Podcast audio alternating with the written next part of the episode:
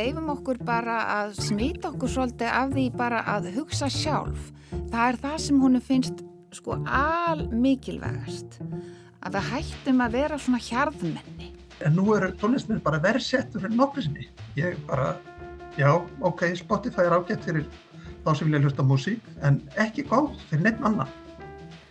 Andkristur á aðvendunni Spotify er umrlegt og listamannulegn. Ég heiti Lóabjörg Björnstóttir. Ég heiti Kristján Guðjónsson, þetta er lestinn 5. desember.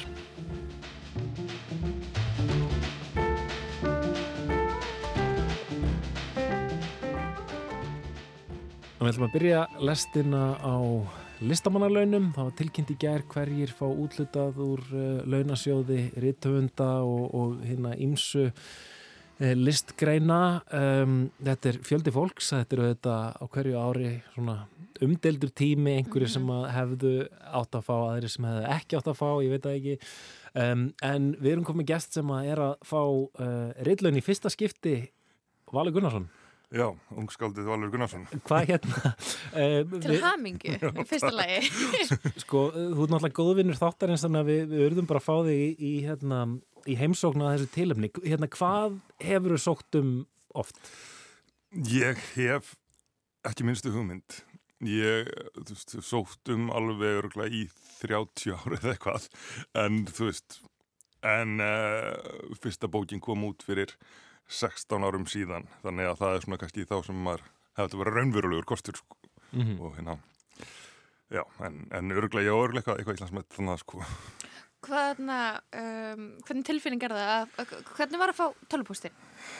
Uh, nú þá maður að stimpla sér innan og svo lengi að finna þetta sko, þá myndi bara beint sko, byrja allt árið, búm þú ert einsins virði sko Já, þetta, þetta var alltaf í, í byrjun þetta var alltaf í janúar Já, Já. nú er þetta komið í desember sem er, sem er skára en, en alltaf gaman þegar þetta er aldrei svont goða fréttir og ég þarf bara svolítið mikið að endur með þetta sko líf mitt og stöðu minn í heiminum sko því að það að vera alltaf að skrifa og þú veist, kauplist að það er líka bara stór partur af, af minni sjálfsmynd og nánast mínum verkum sko og, og hvernig það er að fá borgað allt innu og bara hver, hver mánuðamót, ok, þrjá mánuði en samt sko, þetta er eitt í það ekki sem var í harkinu og, gafst upp og fór að kenna þess að þetta er bara svo að vinna lottuði hverju mánuði.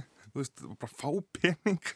Og hérna já, hérna, þetta er náttúrulega búið að vera mikið, mikið hark, maður náttúrulega hérna, þú veist og eitthvað svona aðsæk svona því hvernig, hvernig lífið hefði geta orðið.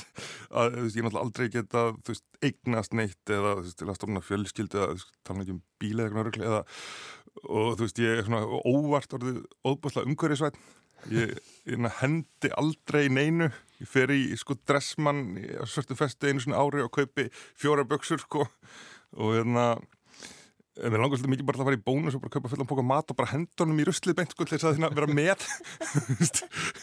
Þessari sóun sem ég er alltaf að heyrum sko.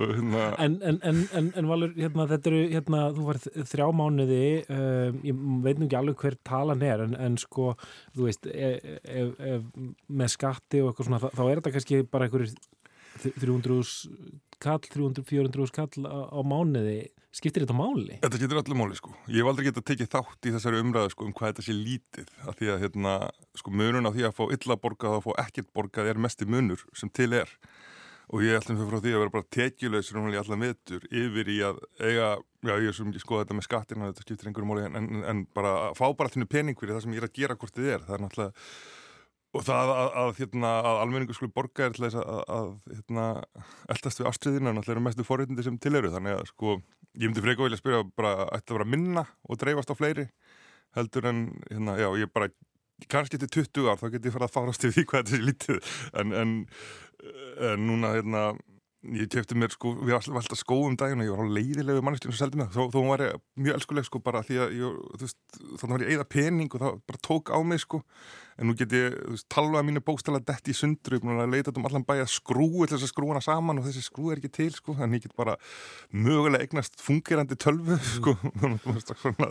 Kipt vinnutækið þitt og, og, og, og svo kannski verið kurteis við starfsfólkið sem að það verið ekki alltaf sko, maður fyrir kringluna það hellist yfir mann sko eitthvað svona óþólgagvart þessu nýslu samfélagi sem allir aðrir að taka þátt í en, en ég stend fyrir utan sko Ég, ég meina pælingu, ok, þú hefur skrifað umsókn oft og, hérna, og núna fyrstu já. Er þetta með eitthvað kenningum af hverju þú veist já í ár? Ég held að það er bara vilja verið og aðsnald að halda áfram að segja nei sko. Ég að, ég veit ekki um össumni, ég held að það sem mestu móli skiptir er að ég er búin að senda frá mér fjórar bækur undan fyrir þrem árum og það sem skiptir máli fyrir nefndina er sko að hún vil eitthvað komið út úr þessu. Hún vil geta sínt fram á þessum fengu styrk skiluð einhverju og ég held að fólk treysti mig núna til þess að ég muni skil einhverju og, og líklega strax næsta árið. Þannig að ég, veist, ég sendi inn umsók fyrir þetta verk sem ég, þessa skáldsögu sem ég mun líka ekki skrifa hérna áður, þannig ég veit ekki hvort munurinn liggi þar, en mm. sumir auðvitað benda á það, sumir alltaf detta áriðlinu, það getur verið, en þetta er allt saman svolítið flókið og eitthvað sem er kannski þessi virði að skoða, sem er, hérna, á einhver, segjum eitthvað svona abstrakt ljóðskáld á að meta hann út frá því hvernig, hversu vel hann útskýri fyrirfram hvaða ljóð hann ætla að skrifa sem er bara eðli mál sem samkvæmdi er ekki hægt sko eða á bara meða við fyrir störf þess listamanns uh, og treysta honum til þess að gera eitthvað úr þessu en, en þá ætla erfitt fyrir nýja að komast að sko mm -hmm. þannig að við held að sé bara óbúinlega margt í eðlið þessari rillina sem að mætti skoða sko eins og líka hver er umverulega hugmyndin, er þetta einhvers konar nýrækta styrkur mm -hmm. þess að styrkja fólk til þess að hérna að fara á stað og þetta frekar að fara yngri listamanna sem er síðan að vera sjálfbærir sem er mm. erfitt í litlu landi eða þetta að, að tryggja þeim sem er lengra komnir og eitthvað fasta tekjur sem er líka mikilvægt að því harki verður erfiðara með tímanum með aldrinum en hérna og þetta veit ekki alveg hvort þetta er sko þannig að við erum alltaf að sjá alls skrýsna hluti hérna. Einmitt. Mm. Lóksins getur þú kannski tekið þátt í þessari umræði án þess að þú virkir eins og þú sért betri hérna rítumundurinn. Fórstu og skoð rendir yfir nöfnun sem fengi útlutun í gæriða? Uh, nei, ég hef eiginlega aldrei gert það. Akkur ekki? Um, því ég hef bara verið svo langt fyrir utan þetta kerfi og, og, og þennan heim sko. Það er endalust að velta fyrir sér okkur þessu ekki hinn og réttilega en, en kannski ætti bara að vera reyðilega kjærfi, kannski ætti sko heiðurslegin að vera skýrt afmarkaðri fyrir lengra komna og ég ætti hljóða okkur alþengi afhendir þau sko og hérna uh, já ég held að, að það veri bara svert að skoða þetta frá kunni helst myndi ég vilja setja einhvern gaggrinand á reyðileginu sem gert er í hérna í Noregi af því að ég held að sko einn mesta hættan fyrir íslenska bómyndir í dag fyrir utan fyrir það að ungt fólk kann ekki lengur að lesa er að hérna er það bara hvað umræða er oft, oft bábærið sko ég held að ítundu það væri mjög gott en þá myndi náttúrulega vera ennþá meiri krafa að þessi gagnmendi sem var á ríkislaunum að hann eh, væri alltaf jákvæður sko mm. og til ég allt, einmitt en hérna, já, ég já, ég get alveg kannski loksinn sagt sko hérna, takk fyrir mig en guð minn góður það ég held að verði að sko, endur skoða ímislegt þarna. En, en, en Valur, bara rétt að lokum um, þú ert með bók líka fyrir þessi jól uh, sem heitir Stríðsbjarmar. Já. Hérna, er það ekki bara uh, rífandi stemning að reyna að selja hana? Nei, hérna hún á, sko Bjarmalund á svolítið svona uh, sterkan hóp hérna og sem er nú veldig að leita stríðsbjörma uppi bara. Ég var að fá hérna bref á þann frá uh, hreindirabónda á Grænlandi sem að hérna að því að bókin fjallar jú um stríði í Ukrænu hún fjallar líka um mín eigin baróttu við yfirvittina sem að er afleðing uh, dvalamenni í Ukrænu og hann hefði miklu ágjörðað mér og bauð mér að koma og gera þindirabóndi á Grænlandi í, í helsu erendum og ég náttúrulega get ekki sagt nei við því. Þannig að núna þegar ég loksins er, er vaðandi í peningum þá fer ég að örða þig. Það sem hreindunum er alveg sama hvort ég sé rillurum eða ekki. Mm. Mjög gott, uh, Valur Gunnarsson innilega til hamingju uh, með uh, rillaunin Takk fyrir komuna í lestina og til hamingju aftur. En við ætlum að snú okkur á öðru, við ætlum að snú okkur á Spotify, það eru ymsar fréttir frá því fyrirtæki þessa dagana. Til þess að rína í stöðuna, þá ætlum við að ræða við Árna Matt Síðast þegar hann var í lestinni þá var hann líka ræðum streymistjónustur eða ströymaheiminn um, þá var það gerfigrind sem tók viðtalið við átna en núna er það manneskja sem tekur viðtalið. Og allar að ræða við hann en átni er einmitt í Svítjóð Þú getur þannig að bara kíkt í Spotify höfustöðunar Já, já, já. Það væri gaman. Eða? Þannig. Ertu í Stokkólmi eða? Nei, ég er eitthvað ekki í Stokkólmi, ég er í Malmö Ah, ok Þetta er Árni Mattiasson, Árni Matt, Bladmæður. Við ætlum að tala um Spotify og veltaði fyrir okkur hvort að framtíðin sé kannski Spotify-laus. Fyrir 1500 krónur á mánuði hafa áskrifundur Spotify Premium aðgang að allri tónlist í heiminum. eða það er allavega tilfinningin hvort sem að það er satt eða ekki.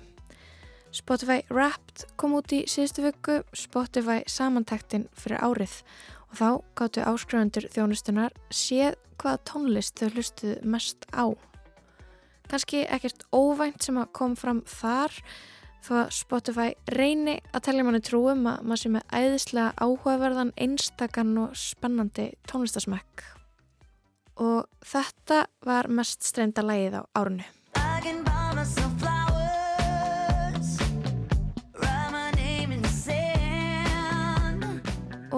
Þetta var mest streymda lægið á árunu hjá mér.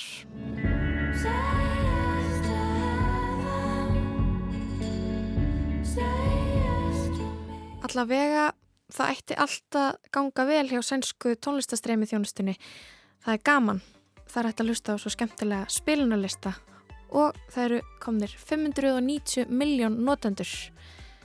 Það meira segja að koma gerfugrendar DJ sem að tala við þig og vilur tónlist sérsniðna af þínum smekk. I'm X and from this moment on I'm gonna be your own personal AI DJ on Spotify. Let's go. En á dögunum bárust frettir frá Svíþjóð.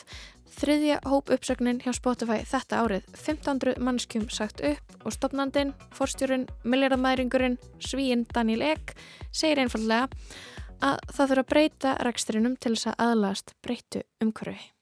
Breyta umhverfið er fyrst og fremst það að það er orðin erfiðari, erfiðara aðgengi að penningum.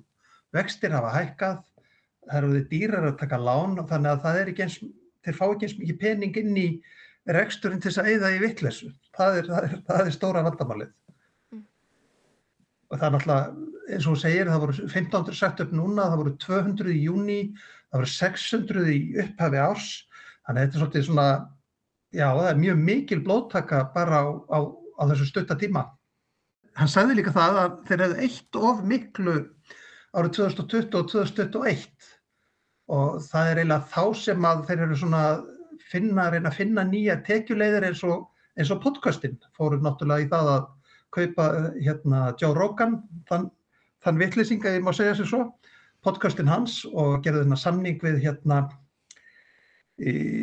Megan og, og herra hennar, kallin hennar Mm -hmm. og fleiri podcast sko, þannig að, að því að fyrir Spotify þá er gefið það náttúrulega miklu meiri pening að það er ef það er eitthvað podcast sem þeir eiga, ef svo má segja, ef þeir eru að framleiða og gera allt og fá alla tekjurnar, þannig að það átt að vera nýja tekjumótilið en hefur greinilega ekki tekist. Í sumu viku og frettir af hóp uppsögnum berast kemur ljós að Spotify ætla sér líka að taka til í hlaðvarpsdeildinni. Árið 2019 borgaði Spotify 300 miljón eurur til þess að fá gimlett framleistu fyrirtæki yfir til sín. En þaðan koma margir vinsalir hlaðvarpstættir. En nú kemur á daginn að tveir vinsalir þættir úr smiðju gimlett verða teknir af dagskrá.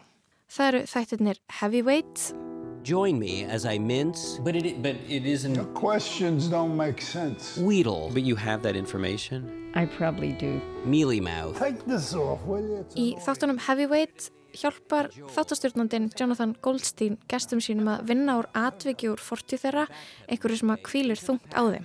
like a therapist with a time machine. Og svo er það þættirnir Stólin. So much of my work, and really my life, is spent immersed in the lives of women that I can never meet. Women who have been stolen from their families and communities. Women whose lives have been cut short, but who I imagine still need justice.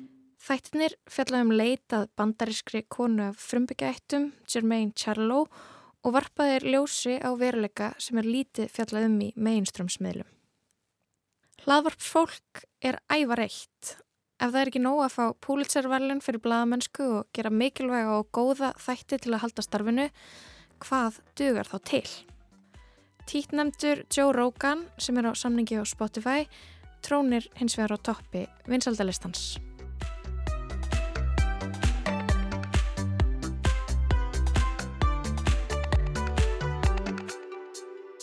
En þetta er svo forvöndilegt sko, þetta er Spotify er stærsta tónlistastreimi þjónustan, það eru langflestir sem eru, í- ef, ef- fólk er í áskrita einhverju streimstjónustu þá er það Spotify, eh, líka fullt af notendur sem eru þarna ekki með áskrift en eru þá að heyra auðlýsingar um, samt einhvern veginn er það ekki nóg. Þetta tekjumótel það virðist ekki ganga upp eða þú veist, eða, hvað er Spotify að skilja ykkur um hagnaði? Eh, Spotify hefur skilað smá hagnaði sko, sko það, það er alveg geðvikslega pinningu farið í Spotify. Það er einn maður grætt á Spotify, það er náttúrulega Daniel Egg sem á hérna einhverja þrjá eða fjóra miljardar, er metin einhverja þrjá eða fjóra miljardar dollara. Mm. En, en tekjumótili hefur ekki virkað að mínu viti. Maður bara sér það að fyrirtæki sem búin að eða svona geð, geð, búin að fá sín geðvikslega peninga inn í fyrirtækið, geðvikslega mikla fjárfestingu og hafi ekki skilað hagnaði af neinu viti. Það ég ég bara sé þetta ekki virka og, og, og svo börst ég frá því hvað Spotify er í raun og veru ógeðslega lélegt fyrir tónlistamenn mm. af því að þú veist ég meina eða í mesta lægi getur það fengið 42 öyra fyrir hverja spilun og lægi þú veist eða þú ert topp listamaður getur það fengið 42 öyra fyrir hverja spilun sko. þannig að þetta er bara, þetta er bara galið viðskiptamátul og og það að það get ekki skilað hagnaði og er samt að borga svona lítið til listan með það að þetta getur bara ekki virkað til lengtar. Mm -hmm. en, en þú veist, uh, fyrir hvern uh, virka þá Spotify? Er það bara hlustendunir sem að hérna, uh, njóta góðs á Spotify já, og Daniel Egg, þú veist, ef þetta er ekki, já, ef, þetta er ekki virka fyrir tónlistafólkið?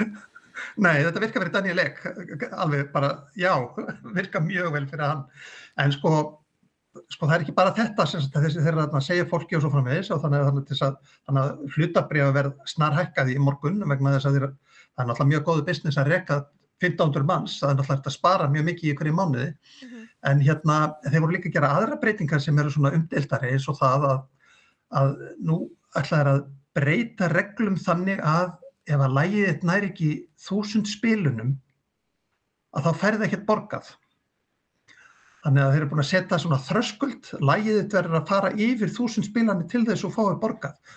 Annars, og þetta er ekki þannig að þessi peningur enn því Spotify heldur að þá, ef að lægið er spilað 999 sinnum, þá ætlar að taka peningin sem þú hefur átt að fá fyrir það og dreifa honum til þeirra tónlistamanna sem er reyna verið með flesta spilanir. Þannig að verður að taka pening frá hennum litlu til þess að færa meiri pening til hennar stóru. Það finnst mér líka bara vera svíverða sko. Mm -hmm. Og þetta er svolítið stór hluti af um, í rauninni lögunum þannig inn á Spotify. Það langt stærsti hlutin fær litla spilun. Það er rosa mikið af tónlist sem er lítið spiluð. Einmitt. Það er svona, það er svona cirka 100 miljón lög á Spotify segja menn mm. og það eru 63 miljónir laga sem ná ekki þessum þröskuldi. Þannig að það er, það er næstu því, það er næstu því, það er rúmlega 60% sem ná ekki þessum þröskuldir. Sko. Þannig að það hlýtur að bætast alveg hellinga pening í hennan þá pott. Uh. Já, sem að stóru uh, listamindinni fá. Vegna þess að svo er bara skipt úr honum hlutfallslega en ekki, þú veist, hvað fjörstum marga spilani heldur bara, þú ert með svona hátt hlutfall á hvað spilanu þá færður svona mikið pening. Þetta er reyndað sama, sama mótilu og Apple notar sem er Apple Music Þannig að þetta er ekki bara Spotify sem eru vondikallin, heldur eru Apple Music líka vondikallar. En svo eru aðrir eins og til dæmis SoundCloud hefur tekið upp það mótel að borga til listamanna eftir því sem þeir eru spilaðir, sem er að mínu viti auðvitað eina rétta í því sambandi. Sko. Ok, segjum, lægið þetta spila 999 sinum og ekki þúsund, þannig að þú fara enga pening. Er það að tapa miklum pening? Hefur þú reyndið að regna út hvað þetta er mikið peningur sem þú verður að fá? Það er náttúrulega 42 auðrar í sinu þúsund þannig að nei, ég er ekki að tapa miklu pening en, en markvaldaði þá upphæð með 63 miljónum mm -hmm. 63, 63 miljónir sinnum það þá sjáum við ok, já, við erum að tala um svona peningina sko. Mortifique, mastique, trage, trage, mastique Yo contigo ya no regreso þetta er, þetta er vandamál með hérna, tónlistafræðsna. Spotify er orðið það stórt að það er mjög erfitt að vera utan við Spotify, að standa utan við Spotify, að segja við ætlum ekki að vera með. Sko, Taylor Swift gata. Mm. Taylor Swift gata og þá breytti Spotify reglunum hérna á sín tíma þegar Taylor Swift neytaði að vera að minni.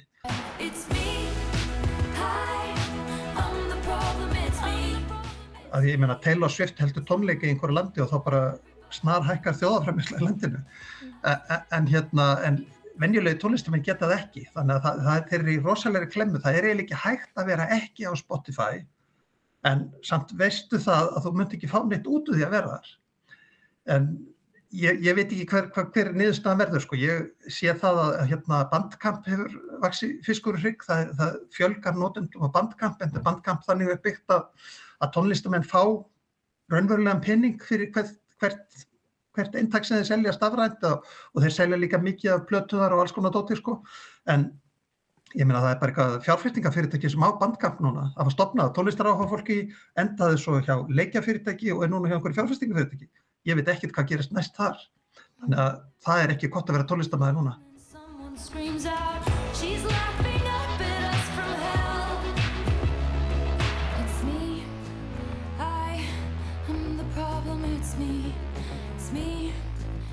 Kristján, Kristján, Kristján Kristján, getur þú útskýrt fyrir mér hérna, þetta hugtak en certification? Já, þetta er hugtak sem á að ná yfir hnignunarferli tækni fyrirtækja samtímans. Sem sagt, öll tækni fyrirtæki byrja á því að reyna ná inn rosalega mikið að notendum og þau bara eigða öllum peningunum sínum í það, uh, skila engum hagnaði uh, til þess að gera uh, síðuna samfélagsmiðlinn, vettvangin, ógeðslega aðgengilegan fyrir notendur. Og nærðin öllum notendunum þá þarfst að ná inn peningum og þá uh, reynur að laða að fyrirtæki sem vilja nýta sér alla þeirra fjölda fólk sem er að nota uh, samfélagsmiðlinn eða vettvangin gerir hlutina mjög góða fyrir þessi fyrirtæki uh, á sama tíma þá hnegnar samfélagsmiðlinnum eða fyrirtækinu fyrir notendur. Um, þegar út múin að ná inn öllum þessum peningum frá fyrirtækinu sem er að reyna nýta sér hópin af fólki sem er aðna um, og eru þessi fyrirtæki eru háði að vera á þessum stað. Þá getur þú gert uh, síðunaðina samfélagsmiðlinn vettvangin lélega líka fyrir fyrirtækin og tekið allan ágóðan til þín eigandi fyrirtækisins. Ef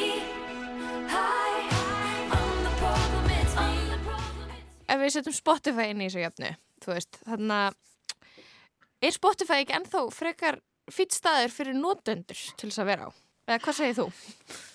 Uh, Spotify er að mörguleiti góðu staði til þess að hlusta músík það er, það er alveg rétt sko, það getur verið mjög fínt að hlusta músík á Spotify en hérna, en það hefur orðið verra og þetta N-certification, þetta áviðum svo margt, þetta ávið til dæmis um Amazon og, og fleiri, fleiri þjónustur og, og Uber og, og svo framvegis að, menn hafa byggt upp opaslega mikið af svona stafræðinu þjónustum, fyrirtækið sem hafa byggst upp á síðustu árum sem hafa verið að kerð áfram af áhættu fjö að menn hafa verið að móka peningi í það í þessi fyrirtæki reglulega en þau hafa kannski aldrei staðið undir sér.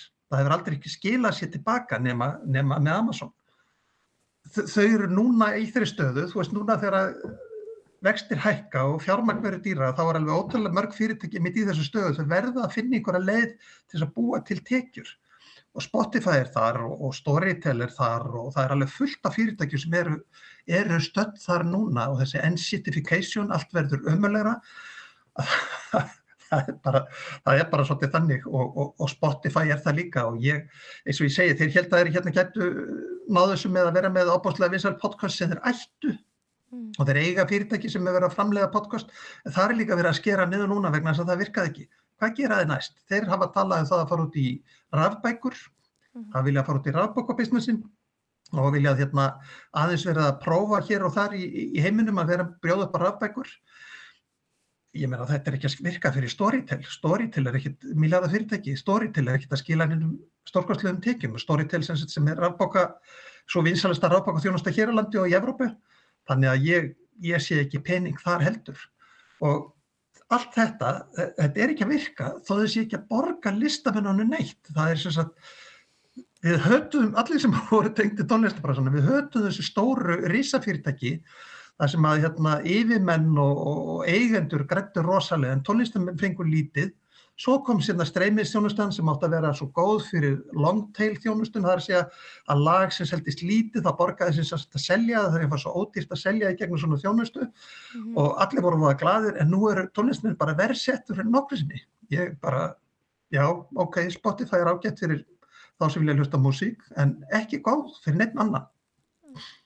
Annað sem hefur verið að gerast sem að við tókum hérna eftir Íslendingara því að allt einn var opáslega vinsalt íslensk músík en sem með listamennu sem enginn kannast við á Íslandi að þá var Spotify að borga tónlistamennu fyrir að semja tónlist sem væri eins og hún væri íslensk músík og svo var hún komið inn á playlista sem að Spotify stýri. Spotify stýri að stýri því meira minna. Þannig að Spotify var að láta, var að láta framlega músík sem fjalli að smekk þeirra sem voru að kaupa tiltekna íslenska músík og þetta er, þetta er náttúrulega bara svindlbusiness í mínum huga allavega. Og þetta er eitthvað sem að hefur líka verið að gerast að nú er að fjölga sagt, tónlist sem búin er til með gerfigrænt, ég meina þú setur gerfigrænt á stað og segja skoða nú alla tónlist sigurósar og sendu lög sem eru eins. Og þá gæti verið Spotify að gera þetta og þá ætti Spotify réttin á þessu og Spotify ekki allan penningin. Ég, það kemur ekki óvart eftir svona, já, bara nokkur ára, þá verður kannski stór hluti, kannski meiri hlutin á músík á Spotify, bara framleitur á Spotify. mucho gimnasio, pero trabaja el cerebro un poquito también. Fotos por donde me ven, aquí me siento en rehén, por mí todo bien. Yo te desocupo mañana y si quieres traértela a ella que venga también. Ég bara veldi fyrir mér hvort að notendur, þú veist, hvort það sé að snúa tilbaka þegar að allir hlustendur, tónlistar, eru orðin svona vanir því að fá ókipis, nánast ókipis eða mjög ódýrt að hlusta á tónlist. það sem hefur að gerast náttúrulega á síðast árum er að, að tónlist er, hefur verið, hvað getur við sagt, tónlist hefur raun og verið verið slítinn frá tónlistamanninum og fólk sem er að hlusta á Spotify og hlusta á einhverja spilunulist á Spotify, það veit ekkit hvaða listamenn það er að hlusta á, það er bara að hlusta á einhverja músík.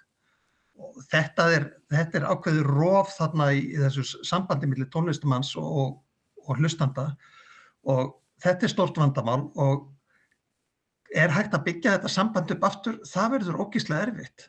Og getur við sigrast á Spotify eða er það sem við viljum gera, það verður líka ógíslega erfitt. Og ég bara sé ekki hvernig það er hægt, það er, ég sé enga lausni þessu, ég, ég hvet alla, ég segi við alla, farið á, farið annað, farið á bandkamp, verið á bandkamp, ég nota bandkamp ógíslega mikið, mér finnst það æðislegt og ég kaupi plötur og ég veit að, músi, að peningur er ferið til tónlistamassis, mm. en hérna bandkamp skákar ekki Spotify hvað er þægilegt að hlusta músík og eða þú ert vön því að borga lítið á mánuða því að Spotify er raun og rókislega ódýrt eða þú ert vön því að borga lítið á mánuði og fá svona mikið fyrir, mikla músík fyrir þá er það alveg ótrúlega erfitt að fá fólk til þess að stíga inn í annað mótel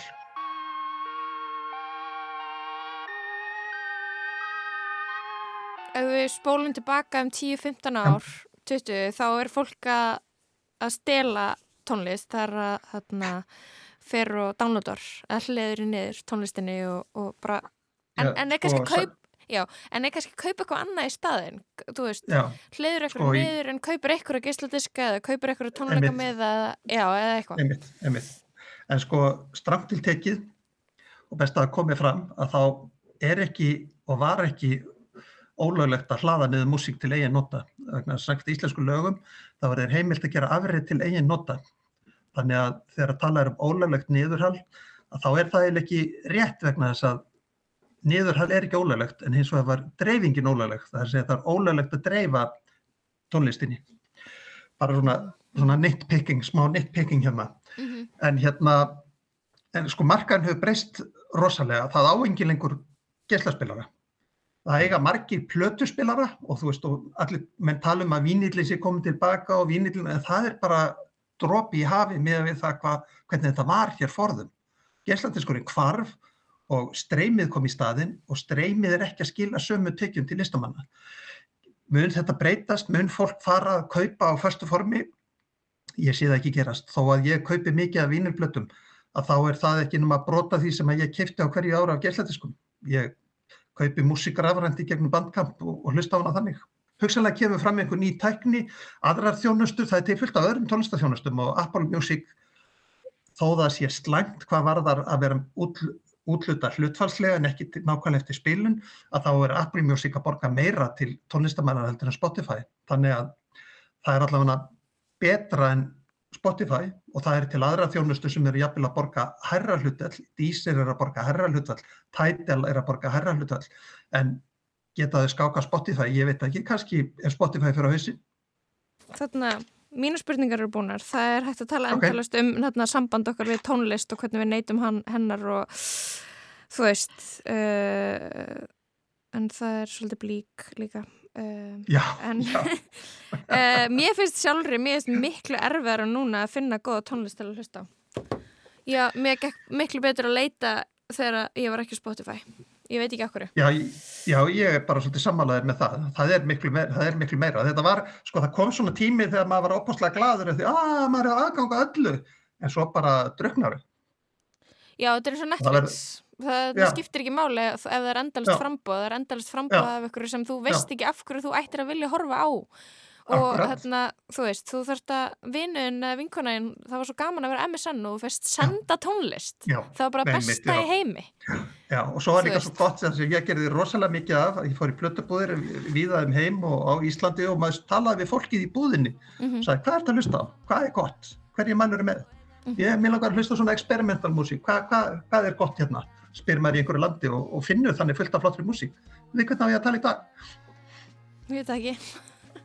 Ég var bara heil, heilið hólu dagana í Japis bara með eitthvað headphonea. Já, það var geðveitt það var geðveitt uh -huh.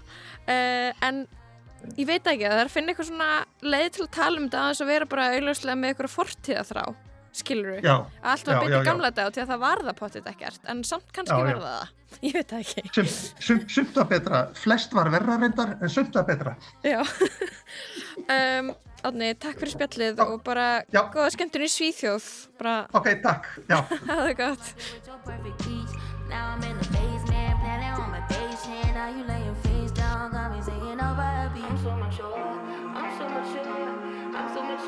If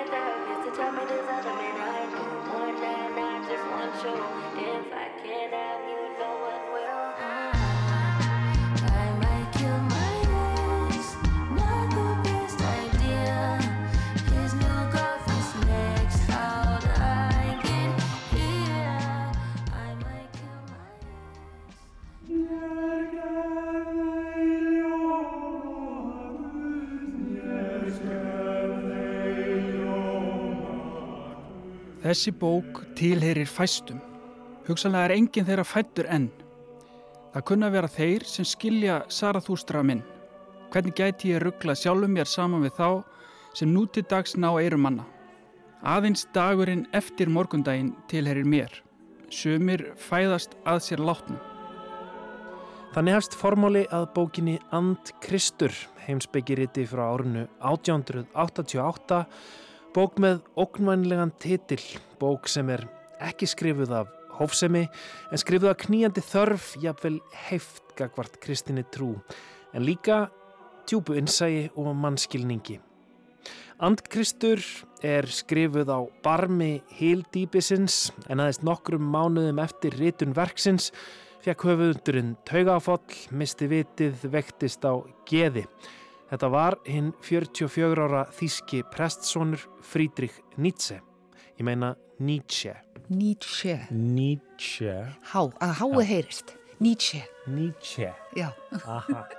Þetta er Sigriður Þorkirsdóttir, professor í heimsbyggi við Háskóla Íslands, en hún reytar ingangað nýjútkominni íslenskri þýðingu á andkristi.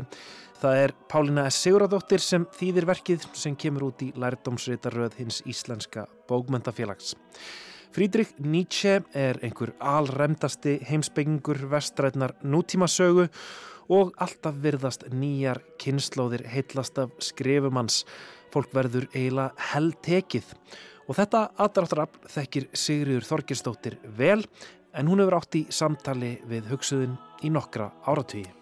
Ganski eru þetta tvær típur af heimsbyggingum einn típan sem er svona frekar hlutlæg og, og svona fjallar um eitthvað sem kannski hefur ekki beint með hann að gera. Og svo hinn heimsbyggi manngerðin sem að í rauninni hugsaður út úr eigin sárum og hugsaður út úr eigin þjáningu og hugsaður út úr eigin svona lífsbaráttu. Og svo lífsbarátta er yðurlega andlegs eða hugræns eðlis.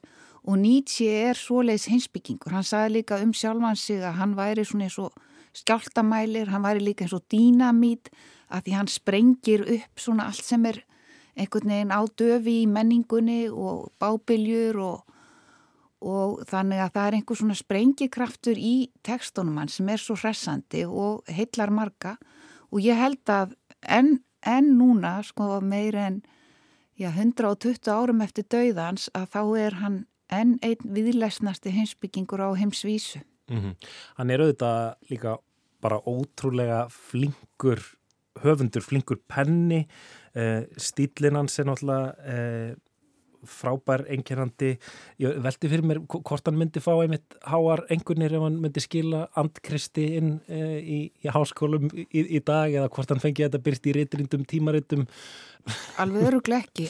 En það gildur um marga stóra heimsbygginga að þeir hafa verið fjarrri akademíun og fjarrri svona stopnana Uh, já, stopnun eigin greinar. Og uh, hérna þetta gildur um Nietzsche, hann var á einmannlegu flakki eftir að hann hætti að kenna við Basel háskóla vegna heilsupress, þetta gildir um uh, Hönnu Arendt sem var ekki í heimsbyggi deilt, þetta gildur um Heidegger sem sagði ég er hættur í heimsbyggi, ég er bara í hugsun um Wittgenstein líka ákvönu leiti þannig að, að fólk sem fer svona riður nýjar brautir að það er oft á skjön við stopnanamenninguna mm -hmm. og megin ströymana. Mm -hmm. Og það kannski hefur þá gefur hún líka frelsi til þess að skrifa og, og hugsa á óheflaðri hátt heldur en annars. Já, Já og hérna ég held að hann hljóti bara sem mannvera hafa verið óvenju við þeim sála því hann virðist nema svo mikla hræringar í eigin samtíma um leið og hann hugsa svo vítt, hann er alltaf með alla hefðina undir alla heimsbyggja hefðina, alla trúarhefðina mm -hmm. vísinda hefðina og uh, oft er talað um að hann sé svona bara ljóðrætt heimsbyggingur en rannsóknir á bókasafninu hans á, hverja, á hvað hann las og hvað hann innbyrti sína að hann var mjög vel að sér í vísindum og fræðum sín samtíma og það sést vel líka á þessari bók Andkristi þar sem hann er líka í samræðu við trúabræðafræðu og guðfræði síns eigin samtíma. Kristna hugmyndin um Guð, Guð sem Guð hinn að veiku, Guð sem konguló, Guð sem andi, er einn spiltasta hugmyndin um heið guðlega sem kviknað hefur á jörðinni. Hún næri ef til vill niður í láflæði dalandi þroska guðlegra gerða. Guð úrkynjast og verður að mótsögn við lífið í stað þess að vera umbreyting þess og eilíft í já. Guð er stríðsiflýsing gegn lífinu, gegn náttúrunni, gegn lífsviljanum. Guð forskrift að róburði gegn þessum heimi, að hverri lígi um handanheimin, Guð, dýrkun á tóminu, viljin til tóms tekin í dýrlingatölu. Andkristur, uh, bölfun kristindómsins, þetta er svona, maður um, dregur djúft andan svona á aðvendunni að uh, vera opna þessa bók, hún kemur út uppröðinlega 1888 um, getur þú kannski útskipt hver, hver er þessi maður, hver er Nietzsche árið 1888? Nietzsche árið 1888 er heimsbyggingur sem er búinn að vera að skrifa í kannski einn 20 ár. Hann er við það að missa heilsuna og síðustu verkinans bera þess merki að honum er mikið niðri fyrir og svona hann er, tótnin er rópandi og svona æstur og um, þetta er ádeiluritt, andkristur, bölfun kristindómsins. Og ég svona var alltaf hálf hrætt við hennan títil, mér varst hann eitthvað ógulegur eins og hann var að, að reyna að særa fram hinn illa eða eitthvað þess aftar En pressonurinn sjálfur sem Nietzsche var kemur af hérna, slekti af mótmælendaprestum í Þískalandi að hann er í rauninni andkristur sem segir til vams. Ég er andkristur að því mér finnst svo margt hræsnisfyllt í kristindómi samtímans, í skilningi hans á uh, Jésu Kristi, á Páli Postula, á kirkjunni sem ég er andsnúin og þá bara er ég eins og rópand í eðumörkinu, ég er eins og andkristur en þetta er að. Einmitt, þetta er svona einhver hugmyndasöguleg um, og sálfræðileg greining á kristninni um, og hann er mjög gaggríninn og, og nánast svona heftuðlegur bara, hatast út í, út í, í kirkjuna um, en, en, en það er miklu meira þarna í þessu eða hvað? Það má segja að það sé eh, svona, hann teflir fram mót, hann, hann teflir fram andstæðingum í þessu rítir. Það er uppbyggingin á rítinu, það er annars vegar Jésu Kristur sjálfur og svo er það hins vegar Pál Postuli og hann eh, lýsir Jésu Kristi sem alveg sérstakri manngerð sem hafi ekkert með stopnanavæðingu kristninar að gera. Hann var bara einstakur maður, eh, spámaður, eh, einstök manngerð sem bóði eitthvað nýtt og svo er það hins vegar Pál Postuli sem nýtt sér náttúrulega beinir helst spjótum sínum að vegna þess að það er hann sem leggur grunn að kirkjunni, að mm. gerir kristni að þeirri stopnun sem hún varð. Og Nietzsche segir að ef ekki hefði komið til Pál Postuli þá hefði Jésu bara horfið í söguna sem einna spámönum á þessum tíma. En það er vegna þess að Pál var svo öflugur guðfræðingur og hann bjóð til heila kenningu úr þessum brotum sem við höfum um Krist. Og, og það verður í rauninni staðista markaðsetnings heimsögunar. Maður gæti með frjálsleiri tjáningu kalla Jésu frjálsan anda. Hún er með sama um allt fast form. Orðið deyðir. Allt fast form deyðir. Hugtakið, reynslan, Lífið á þann eina hátt sem hann þekkir stendur á móti öllum hans orðum, formúlum, lögmálum, trú, kennisetningum. Hann talar aðeins um innsta kjarnan. Líf eða sannleikur eða ljós er orð hans fyrir innsta kjarnan. Allt hitt, allur raunveruleikin, öll náttúran, tungumálið sjálft hefur fyrir honum aðeins gildi tákns, líkingar.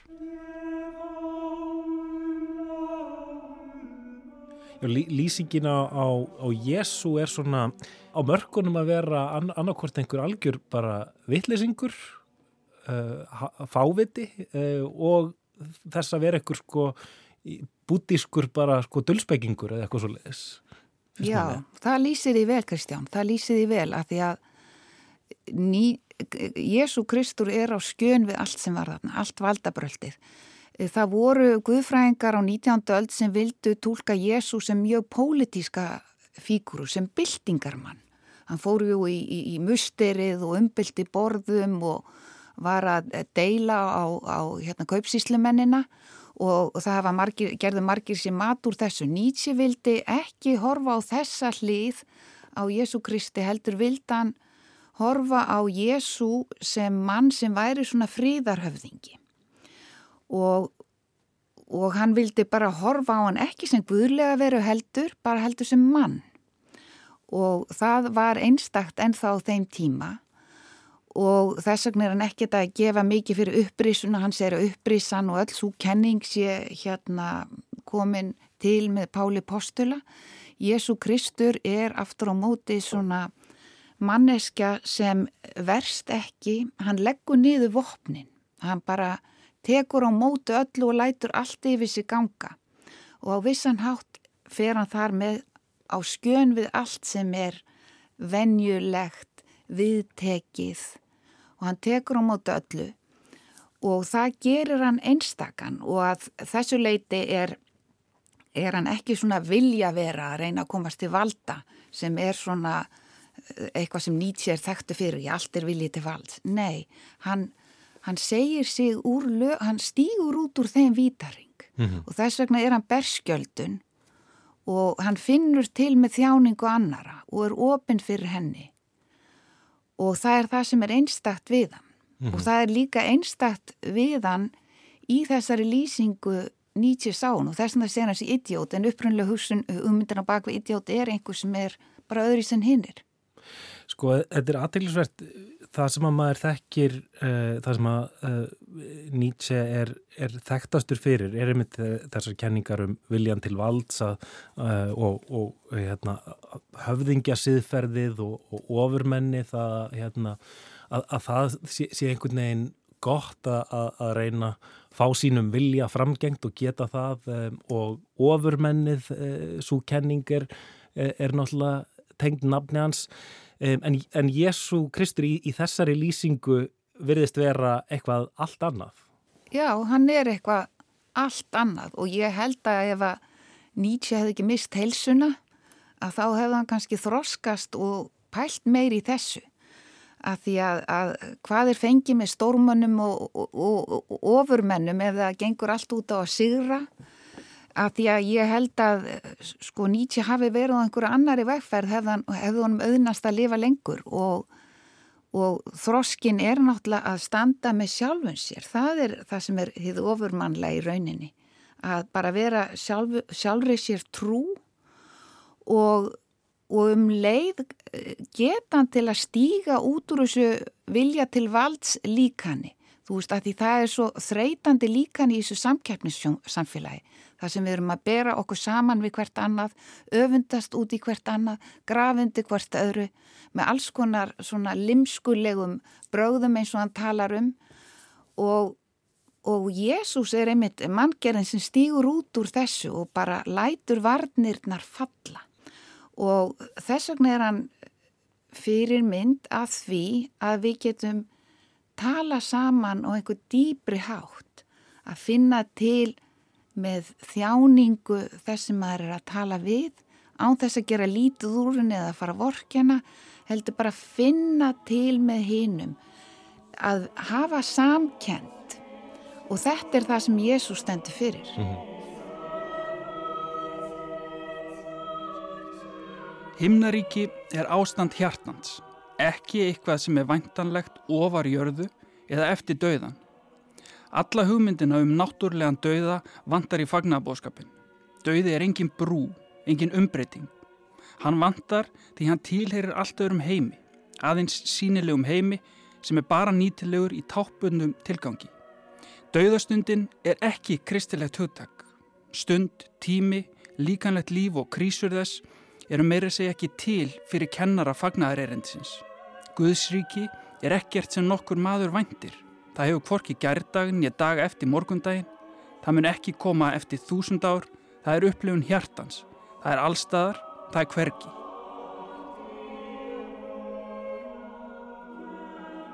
Þannig er þú kannski að tólka hvert Nietzsche gæti hérna eh, hafa farið ef hann hefði haldið áfram að skrifa, hefði ekki mist heilsuna, um, orðið geðveikur.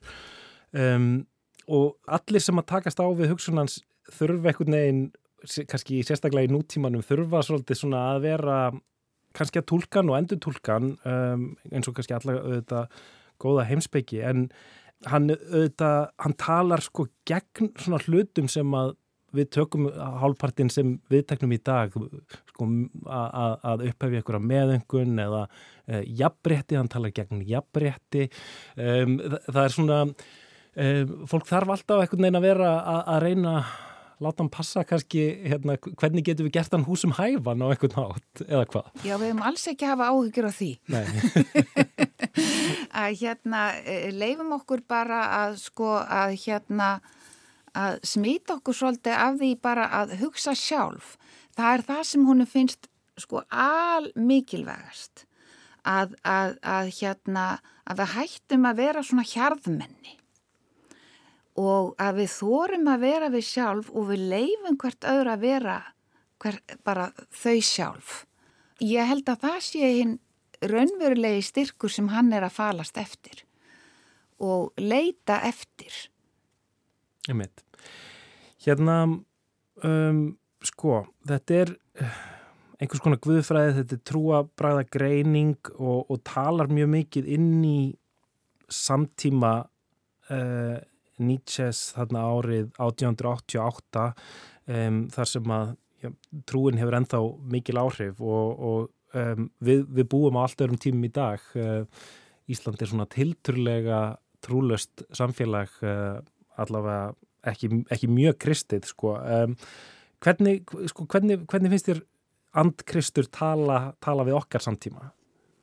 Já, þetta er góð spurning. Ég held að við séum kristin menning í Evrópu og bara, maður finnur að þegar maður fyrir til annari heimsluta þá finnur maður hvað þetta á svona djúpa rætur og kristnin er náttúrulega ekki sjálfsbrotnin. Hún kemur út úr grískri heimsbyggi og það er bara alls konar áhrif inn í henni og hún hefur mótast mikið. En við erum kristin menning og, og uh, Jésús er óneitanlega ein af stóru fígurunum í sögu, bara okkar menningar og í sögu heimsins. Það er Mhm. bara engin spurning um það og hann er enn sem fyrr svo aðtiklisverð persóna vegna þess að hann er bóðberi kærleika, hann er bóðberi fyrirgefningar og það er aðtiklisvert. Ég var á Nietzsche þingi núni í Þýskalandi bara fyrir nokkrum mánuðum og þar áttum við að ræða svona fyrstu viðbröð við Nietzsche og þá voru talsvert um að hvern hugsuður voru að lesa hann, meðal annars konur sem eru brautriðendur á sviði sálgreiningar og heimsbygginga líka, Lou Salome og Sabina Spielrein. Og þær eruðu fyrir miklum áhrifum að Nietzsche og þær sko hugsuðu þessa viljakenningu hans áfram og hugsuðu hann yfir í kærleikan, yfir í eros. Og þá er kærleiki einmitt þessi samkend með sjálfur sér og öðrum. Og að þetta er það sem konur gera svo oft í heimsbyggi og Jésús er á vissan hátt svona uh, manngerð sem er í sjálfu sér karlmannlegur og kvenlegur og allt þar á milli. Hann hérna, það er, það er að standa með sjálfum sér í styrk og að opna sig gegn öðrum og fyrir öðrum og, og hérna og vera bara berskjaldadur, sína veikleika, sína hvar maður er auðmur. Þannig að þetta er ofsalega falleg fyrirmynd enn þann dag í dag, Mhm. líka á tímum samkeppnis samfélagsins. Þú veist, það er mikil kvíði og angist í ungu fólk í dag út af öllum þessum samaburði og samkeppni og árangurs hérna kvöð og hérna mesta frelsið er að fá að vera við sjálf og, fá, og, og geta treysti í að við séum ekki dæmt og metin og, og allt sé einhvern veginn lagt undir einhverja já, útreikninga og, og þú veist á tímum sem allt er reiknað út og verðgild okkar líka að fá að vera manneskjur. Einmitt og Nietzsche notar mikið þetta hugtak eh, öfundar gremja höfðu þýtt á íslensku eh, resentiment eh, á, á, á, á fransku það er kannski líka mikið um það í, í okkar, okkar samfélagi núna þegar við erum stöðið einhvern veginn að fylgjast með hvora öðru og, og það er einhver svona Já. já, er það ekki? Við erum ímist að hampa, hampa okkur og dyggðamerkja okkur og oft er það svolítið svona passiv-aggressiv líka að svona, að hérna, hvað heita, laumugrimd að gera lítúður öðrum í leiðinni. Ég er svo góða því þeir eru svo léleg og hann vil hérna losa okkur út úr svona minnstrum og að þóra að vera við sjálf. Það er kannski það sem að vantar svolítið hugrekki í dag og líka að geta treysti að vera ekki hérna slátra fyrir að vera maður sjálfur. Sigriður, er þetta bók sem að fólk ætti kannski bara að lesa núna hérna fyrir jól svona til þess að, til þess að hérna íhuga merkingu Krists? Já, mér finnst sko sérstaklega kaplarnir um Krist í bókinni, þeir eru nú ekki nema bara lítið hluta á bókinni, mér finnst það með því fallegra og blíðlegra sem hefur verið skrifað um Krist, einmitt að því hann er, leggur svo niður vopnin, að því hann er Já, halgerður idiot og án þess að vera asnalegur. Ég mun skrifa þennan eilífa áfællistómi yfir kristindómnum á alla veggi, hvar sem veggi er að finna. Ég hef letur sem jáfnvel blindir geta séð. Ég kalla kristindómin hina einu miklu bölfun, hina einu miklu leindu rætni, hið eina mikla hemdareðli, ekkert meðal er honum nógu eitrað, leint, neðanjarðar, nógu smátt. Ég kalla hann hinn eina ævarandi smánablett mannkins.